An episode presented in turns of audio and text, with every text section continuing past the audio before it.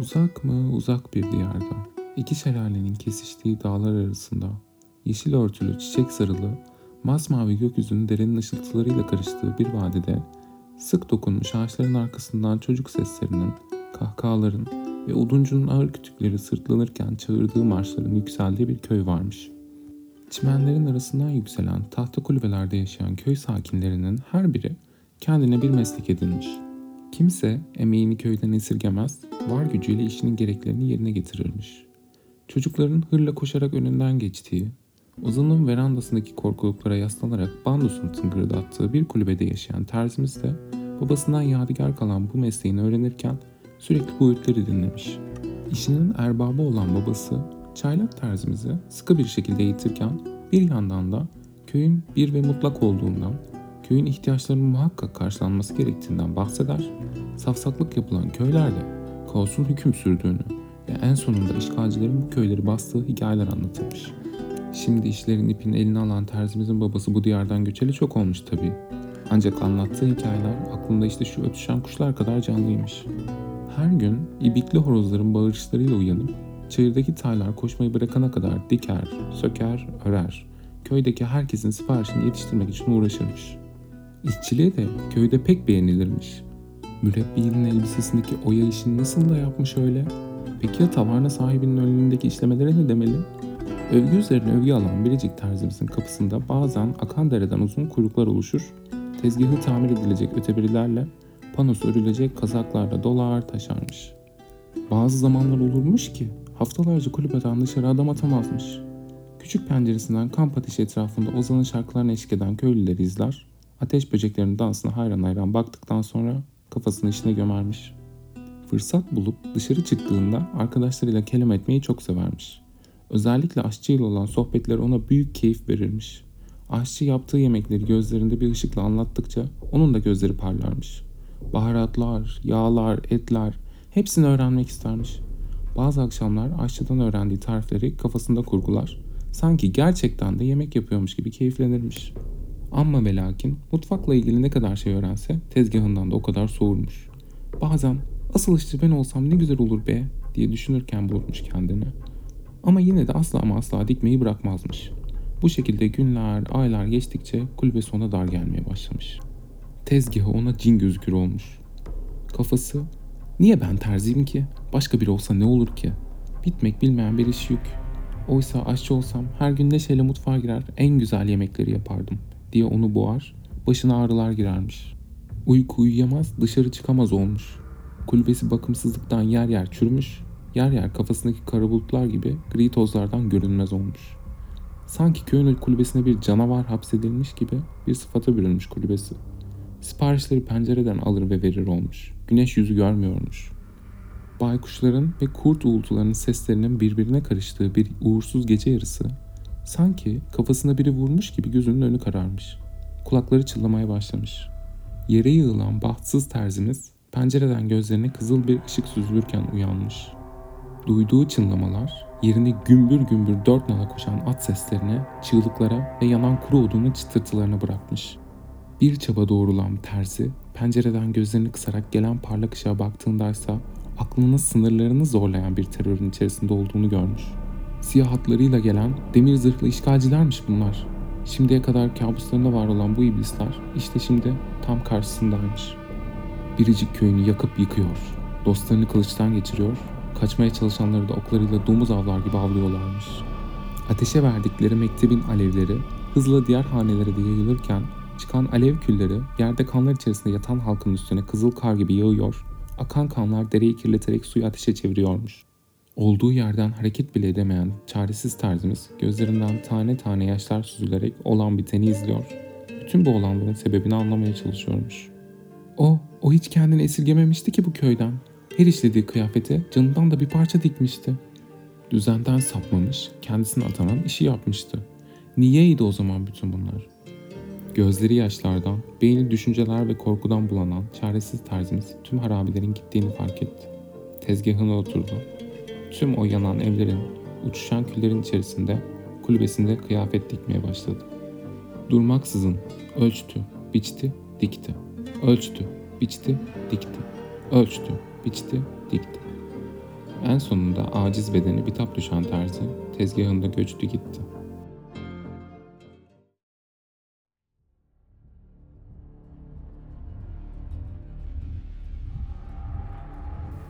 Evvel zaman sonra Viranköy'ü ziyaret eden birkaç gezgin ise kendilerini pek şaşırtan bir şeyle karşılaşmış.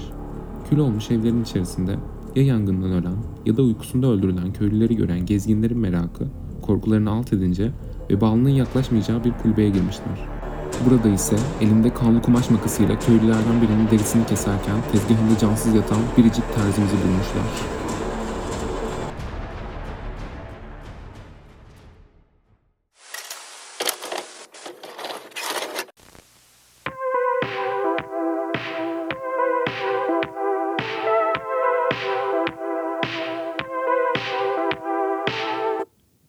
Yeniden merhaba. Podcast'in bu bölümüne hoş geldiniz. Bu bölümde evet gördüğünüz gibi biraz bir farklılık vardı. Başta bir hikaye anlattım size. Çünkü aslında bugün konuşacağımız konuyla ilgili olduğunu düşünüyorum bu hikayenin biraz. Ee, işte kendi hayatını yaşayamamak aslında bugün konuşmak istediğim konu. Hikayenin sonu biraz e, korku öğesi içeriyordu. Umarım hiçbiriniz tetiklenmemişsinizdir. Bundan bir uyarı falan koymadım. Hani etkisi azalmasın hikayenin diye ama yani ne bileyim o kadar da olur ya korkmayın ama. Bir de hikayeyi kaydederken hiç hikaye kaydetme yetimin olmadığını fark ettim. Yani ben hikaye okuyamıyormuşum onu gördüm. Çünkü tonlamalar falan yani hiç beceremedim ve dümdüz okudum aslında. O yüzden bir daha hikaye okur muyum bilmiyorum ama pratik yapmak için de iyi oluyor bir yandan. Etkisini biraz daha arttırmak için monoton çok monoton okuduğum için şimdi arka müzik falan ekleyeyim dedim. O da daha da yani zorlaştırdı benim için. Çok uzun sürdü o müzikleri eklemem falan. En sonunda yani yapabileceğim en iyisini yaptım. Eğer beğenmediyseniz de yapabileceğim bir şey. Çünkü ya yapabileceğim en iyisiydi. Ama öyle ya da böyle bu hikayeyi size ulaştırmak istedim. Çünkü hikaye bugün konuşacağımız konuyla ilintili. Bugün e, kendi hayatını yaşayamamak, kendi hayatına sahip olamamak, başkalarının hayatlarını yaşamaktan konuşacağız. E, sizin için çizilmiş bir yolda ilerlemekten konuşacağız kendi yolumuzu çizmek yerine. Hani bunun etkilerinden vesaire. Ve mesela sonunda bu hikayenin de hani Terzi'nin aslında bir atak geçirip tüm köyü öldürmüş olması twist'i falan. Hoş yani. O yüzden bu hikayeyle biraz rezonansım var. Şimdi isterseniz konumuza geçelim.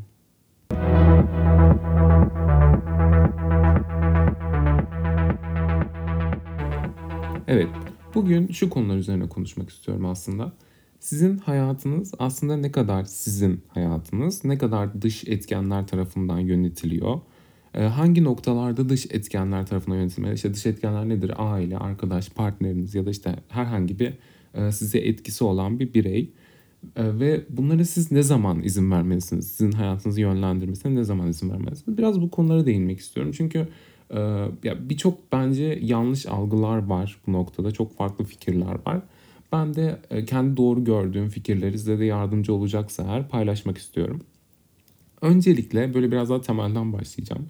E, çocuklukta tabii ki hayatımızın çoğunluğunu ailemiz yönlendiriyor, ailemiz e, yönetiyor. Özellikle okul öncesi zamanımızda. Ve çoğu şeyi ailemizden öğreniyoruz. Yani kişiliğimizin temel kısımları aslında ailemiz tarafından atılıyor. Ve işte hani böyle şeyler falan var ya hani böyle kötü kişiliği olan kişiler işte ben annemden babamdan böyle gördüm falan diyor. Ya bu tez ne kadar doğru ben çok doğru olduğunu düşünmüyorum. Çünkü ben şöyle bir şeye inanıyorum. Her ne kadar hani çok temelden gelse de ailemizden öğrendiğimiz şeyler ben e, bir noktaya kadar değiştirilebilir olduklarını düşünüyorum bunların. Yani ben işte çocukken annemden babamdan böyle gördüm ama şimdi eşek kadar oldum ben hala böyle davranacağım kafası bana biraz saçma geliyor. Yani hani annemiz babamız sonuçta bizden e, bir jenerasyon en az geri oluyorlar. Ve e, ya illa uyuşmayan hani şu an günümüze uymayan fikirleri olabiliyor. Günümüze uymayan davranışları olabiliyor. Ve sizin aslında kendi jenerasyonunuza uygun bir şekilde bunu adapte etmeniz gerekiyor. Genelde böyle oluyor yani. Ve bu hani liberal, muhafazakar vesaire seküler falan yani fark etmiyor. Genelde e, uyuşmayan bazı onların bir, bir tık daha bizim eski kafalı dediğimiz davranışları olabiliyor. Bence bu noktada yani bunu fark edip değiştirmek çok önemli. Yani illa ki sizde olmuştur eğer hani değiştiyseniz e, çocukluğunuzdan sonra. Ya böyle geçmişe baktığınızda ya ben bunları nasıl yapıyordum ya da ben nasıl böyle düşünüyordum dediğiniz e, durumlar oluyordur yani. Benim birçok var böyle. Ve tabii ki birçok şey de bilmiyorsunuz ama bu yani ailenizin suçu değil. Bu hayatı henüz öğrenmemenizin suçu biraz da. E, tabii ki bu zamanla gelişiyor ama dediğim gibi yani e, bu noktada ben şeyi çok savunuyorum. Yani sürekli aileye bağımlı olmak çok yanlış bir şey. Yani onu tek bir kaynak olarak görmek çok yanlış bir şey. Dışarıyı görmek, dışarıdan e, bağlantılar edinmek bir şekilde. Hatta mümkünse bir süre aileden uzaklaşmak çok önemli bence. E, işte mesela ben lisede işte ilk iki senem yurttaydım Ankara'da kalıyordum falan. Hani o benim için çok büyük bir aydınlanma dönemiydi yani çok farklı şeyler öğrendim. Ya bunun gibi e, küçük e, şeyler yaşamak, anlar yaşamak ya da tamamen ayrılmak bir noktada çok yararlı olur bence. Özellikle üniversitede evden ayrılmak en mantıklı şey.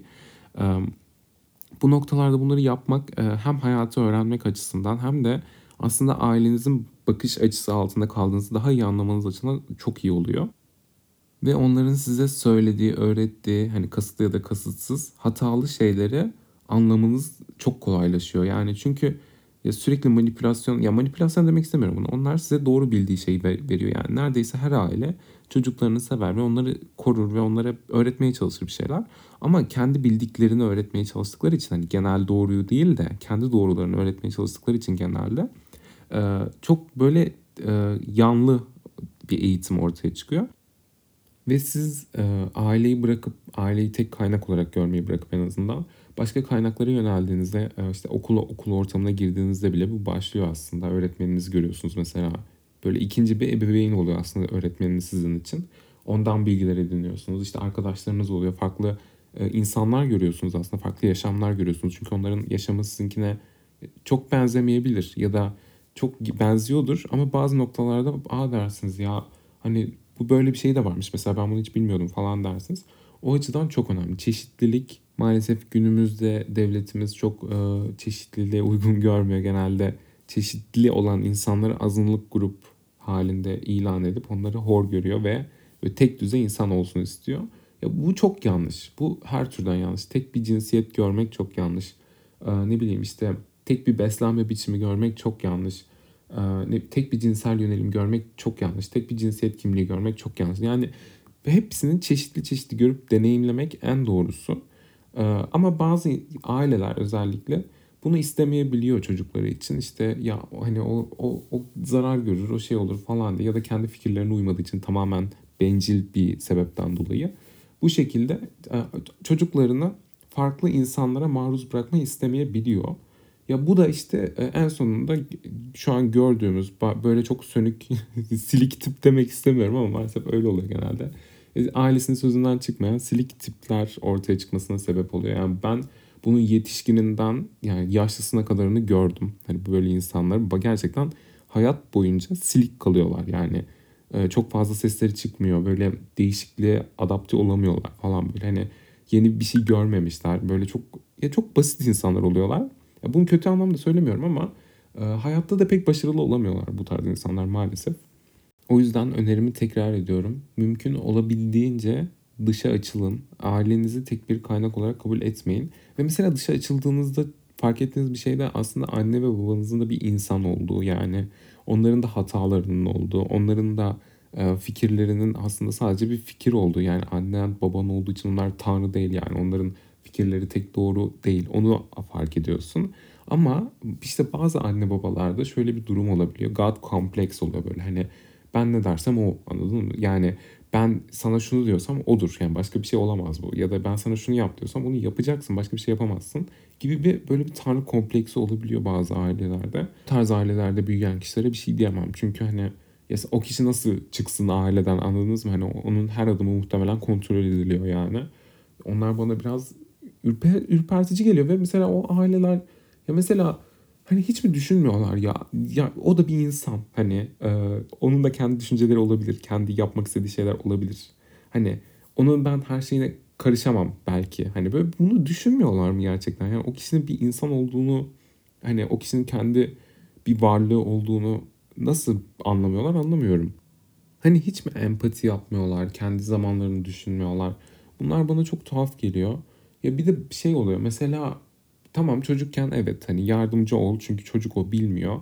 Ya bir süre sonra ama öğrenmesi gerekiyor. Yani artık onun öğrenmesi lazım. Sen onu elinin altında tuta tuta tuta o öğrenemiyor işte. Onu bir, bir bırakacaksın ya bir şöyle bir salacaksın bir baksın bir kendi deneyimlesin. Hani sen ne kadar öğüt versen de az ne derler?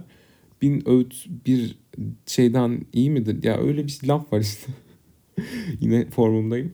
Bir çocuk baksın ya farklı insanlar görsün ne bileyim bir dayak yesin ya.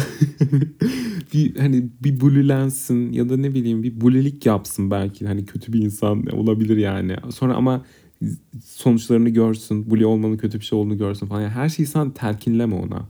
Bırak bir görsün, kendi yaşasın. Deneyim gerçekten çok şey öğretiyor insana. O yüzden ya burada anne babalar yoktur beni dinleyen ama varsa gerçekten çocuklarınızı biraz rahat bırakın. Yani çocuklar e, rahat olmayı sever yani. Onlar da bir insan. Hani onlar şey değil böyle tasmayla gezdirdiğiniz köpekler değil. Ya bunların artık bence okullarda falan eğitimi verilmesi lazım. Yani e, kişisel alan, özel alan eğitimleri yani. Sen bir bireysin. E, senin bir kişisel alanın olabilir. Ve mesela bu şey için de çok önemli biliyor musunuz? Özellikle bu çocuk tacizlerinde ve çocuk işte kaçırmalarında vesaire. Çocukların e, kendi kişisel alanları olduğunu anlaması gerekiyor yani. Kendi çevresinde ne derler benim personal space'ime giriyorsun, benim kişisel alanıma giriyorsun derler çok yaklaştığında. Çocukların bu kişisel alan algısını çok erkenden gelişmesi gerektiğini düşünüyorum ben. Hatta bizim okulda sanırım veriyorlardı bunun eğitimini anaokulu kısmında. Bildiğiniz çocuklara diyorlarmış yani sen diyorlarmış bir bireysin. Senin bir kişisel alanın var. Herkese giremez yani bu kişisel alanına. Senin izin verdiğin kişiler izin verdiğin sürece girebilirler ve izin verme koşullarını da sen belirlersin. Senin sevdiğin insanlar, senin güvendiğin insanlar bu kişisel alana girebilir eğitimini veriyorlarmış. Çok önemli bence de yani. Bunun eğitimi yani Milli Eğitim Bakanlığı'na bir şey demeyeceğim artık ama hani ya bunun eğitiminin kesinlikle verilmesi gerekiyor çocuklara bence. Ve ileriki seviyede de yine bahsettiğim gibi özel alan. Yani benim bir özel hayatım olabilir. Kimseyle paylaşmak istemediğim. Yani bu sadece aileyle paylaşmak değil. Yani kimseyle paylaşmak istemiyorum. Bu bana ait özel bir hayatım olabilir yani. Hani kendi ilgilendiğim bir hobim vardır mesela. Hani illa kötü bir şey olmak zorunda değil özel hayatınızın içinde. Bir hobim vardır. Ben bu hobimi kimseyle paylaşmak istemiyorumdur. Kendi başıma yapıyorumdur. Çünkü birileriyle paylaşırsam hobimi hani o kadar keyif alamayacağımı düşünüyorumdur. O yüzden mesela kendi başıma bu hobimi kendi özel hayatımda yaparım. Yani bazı ailelerde bu yok yani. E, mesela benim annemlerde de falan bazen oluyor. Mesela e, önceden yani son şeylerde gelişti tabii son yıllarda ama önceden mesela ben kapımı kapatamazdım. Kapımı kapattığım zaman ben ne yapıyorum odada hani niye kapım kapalı oluyordu. Ya tabii ki son senelerde artık böyle bir şey yok yani bir zahmet. Ama bu sistemi uyguladıkları zamanlar işte ortaokul zamanlarında falan bana hiç tuhaf gelmiyordu bu. Hani hatta ben odamı kapattığımda kendimi kötü hissediyordum yani. İşte mesela yetiştirilmeyle alakalı hani kendimi kötü hissediyordum ya odamı kapattım. Annemler yanlış bir şey yaptığımı düşünecek bana. çok saçma değil mi? Şu an düşününce gerçekten çok saçma. Ya bana ne hani yani ne düşünürlerse düşünsünler böyle bir şey olabilir mi? Ve benim korkmam da çok saçma. Bana bunu şey, bu şekilde yapmış ve annem hala özel hayatıma bazen burnunu sokmaya çalışır ama artık sınırlarımı biliyorum o yüzden. Bir de ortaokulda şöyle bir şey olmuştu. 8. Ee, sınıfta işte teknoloji tasarım dersinde teknoloji tasarım öğretmenimizde teknoloji tasarım dersi işliyorduk hadi canım. Ee, ve teknoloji tasarım öğretmenleri hep tuhaf oluyor ya. Bunu bunu artık kabul edelim. Teknoloji tasarım öğretmenlerinde bir şey oluyor yani. Ben hiç kimsede duymadım. Benim teknoloji tasarım öğretmenim çok iyiydi yani. Kimseyi duymadım yani. Neyse benimki yine iyiydi hani bu arada yani tatlı bir insandı ama e, o da tuhafmış. Onu öğrendik. İşte bilgisayarından bize müzik falan açardı. Ondan sonra bilgisayarını açtı bakınıyor falan. Ee, bir şey arıyor bilgisayarında dosyalarda falan. Bizimle de konuşuyor bir yandan. Dedi ki aa işte bu da kızımın dosyası falan işte kızımın belgeleri var içinde falan dedi. Ben dedim ki hani hocam dedim yani pat diye giriyorsunuz kızınızın dosyasına hani içinde özel bir şey olamaz mı falan dedi. Bana şöyle döndü sinirle. Benim kızımın öz benden saklayacağı hiçbir şey olamaz dedi böyle. Kızı da yani büyük bu arada hani üniversiteye falan gidiyordu sanırım yanlış hatırlamıyorsam ben ya böyle durdum hani haklısınız herhalde dedim. Çünkü hani bir anda üstüme çok gerindi gibi hissettim. Bir de yani ben o zaman tabii özel hayat algım olmadığı için işte eğitimi falan olmadığı için annem de tabii kapım açık yani öyle düşünün. Ee, o yüzden e, çok yani bana normal gelmişti öğretmenin o tavrı ama şu an mesela düşünüyorum çok yanlış ve çok kaba yani ne alaka. Kızın dosyasına pat diye giriyor. Zaten hani kızı akıllıysa koymaz da yani annenin bilgisayarını koyma zaten özel bir şeyin de. Ya da koy ya koy yani annenin bilgisayarına koyabiliyor oldu. Ya düşünsenize öyle bir ütopyayı. Annenizin bilgisayarınıza böyle bayağı kendi isminize bir dosya oluşturuyorsunuz. İçine özel her şeyinizi koyuyorsunuz. Ve diyorsunuz ki annem bunu açmaz ya. Ben böyle bir güven istiyorum. Mesela ben bu kadar güvenemem. Gerçekten aranızda bu kadar güvenebilen varsa hani ailesine, babasına, annesine artık neyine, annenesine, dedesine belki onlar yetiştirmiştir sizi. Bu kadar güvenebilen varsa özel hayatını ihlal etmeyeceğine helal olsun. Yani o aileleri helal olsun. Gelip elini öperim ben o annenin babanın. Ama dediğim gibi bir noktada da jenerasyondan jenerasyona yenilendiği için mesela biz böyle yetiştik belki ama biz doğruyu görüyoruz. Hani özel hayat diye bir şey olması gerektiğini görüyoruz. İleride ben çocuk yapmam da e, çocuk yapacak olanlarınız varsa dinleyen e siz de artık çocuklarınıza özel hayat gizliliği tanırsınız yani. Bunu o kadar da hödük olmayın lütfen tanıyın. E, bu noktada aslında benim asıl gelmek istediğim yere geleceğim şimdi. E, bu hikayedeki plot twist olan kısma. E, hayatınızın aileniz ya da akrabalarınız işte ne bileyim arkadaşlarınız ki öyle insanlar da var. Aynı hayatını arkadaşları yönetiyor. Mesela bir şey yapmadan önce hep arkadaşlarına soruyor. İşte bunu nasıl yapayım, şunu nasıl yapayım, şuraya gideyim, şunu yapayım bunu falan. Ya mesela bu da çok sağlıklı değil yani. Bence kendi kararlarını da alabiliyor olman lazım. Tabii ki arkadaşlarına danışman güzel bir şey ama yani her boku da tanışma yani. Şu, şu tuvaletimi sıçayım, bu tuvaletimi sıçayım da sorma yani. Onu da kendin bul. Ama danışma dışında aileniz tarafından, yani genelde aile oluyoruz. Artık aile diyeceğim yani uzatmayacağım. Genel konuşmaktan sıkıldım. Hani aileniz tarafından hayatınız yönlendirildiyse veya da, ya da ciddi bir kararı onlar verdiyse sizin için ee, bu ileride gerçekten böyle yani tabii bir köyü öldürmezsiniz. Hani böyle bir kriz yaşamayabilirsiniz belki ama e, psikolojik olarak çok büyük e, bunalımlara sebep olabilir. E, tıp konusunda mesela bence tıp okuyanların böyle bir %30'u %40'ı falan kendi isteğiyle tıpı yazmadı ya da ilk tercihi değildi. Muhtemelen ya ailesi ısrar etti işte ölümü gör, mezarımda yat falan gibi saçma sapan laflarla bir de öyle bir şey var ya bizde işte ölümü gör. Hani yapacaksın yoksa ölümü görürsün yoksa hastalığımı görürsün. Öksürüyorum bak öleceğim hemen tıpı yaz falan gibi böyle saçma sapan bir dramatize etme olayı var yani. İsteğini yaptırmak için ve senin vicdanını kullanıyorlar. Ben hani çok saçma bir olay. Ve o yüzde kırklık kesimde de maalesef inanıyoruz biz de yani kanıyoruz. İşte o da aslında şey yine eğitimi verilmemesinden kaynaklı. Yine geliyorum eğitime. Ben her şeyin eğitimli verilmesinin taraftarıyım bu arada. E onda da şey eğitimi verilmeli işte. E, önemli kararlar, hayatınıza yön verecek kararlarda nasıl almalısınız? Karar nasıl alınır? Kar- bir karar verici olmak. Tabii biz bunların eğitimlerini almadık. Yani biz bir kazazede nesil olduk biraz daha. Böyle küçük detaylar var. Böyle hayatınızın önemli noktalarında etki edecek işte ne bileyim mesela özel hayat, e, karar alma gibi bu yetileri geliştiremedik tam bence çocukluğumuzda. En azından çoğumuz.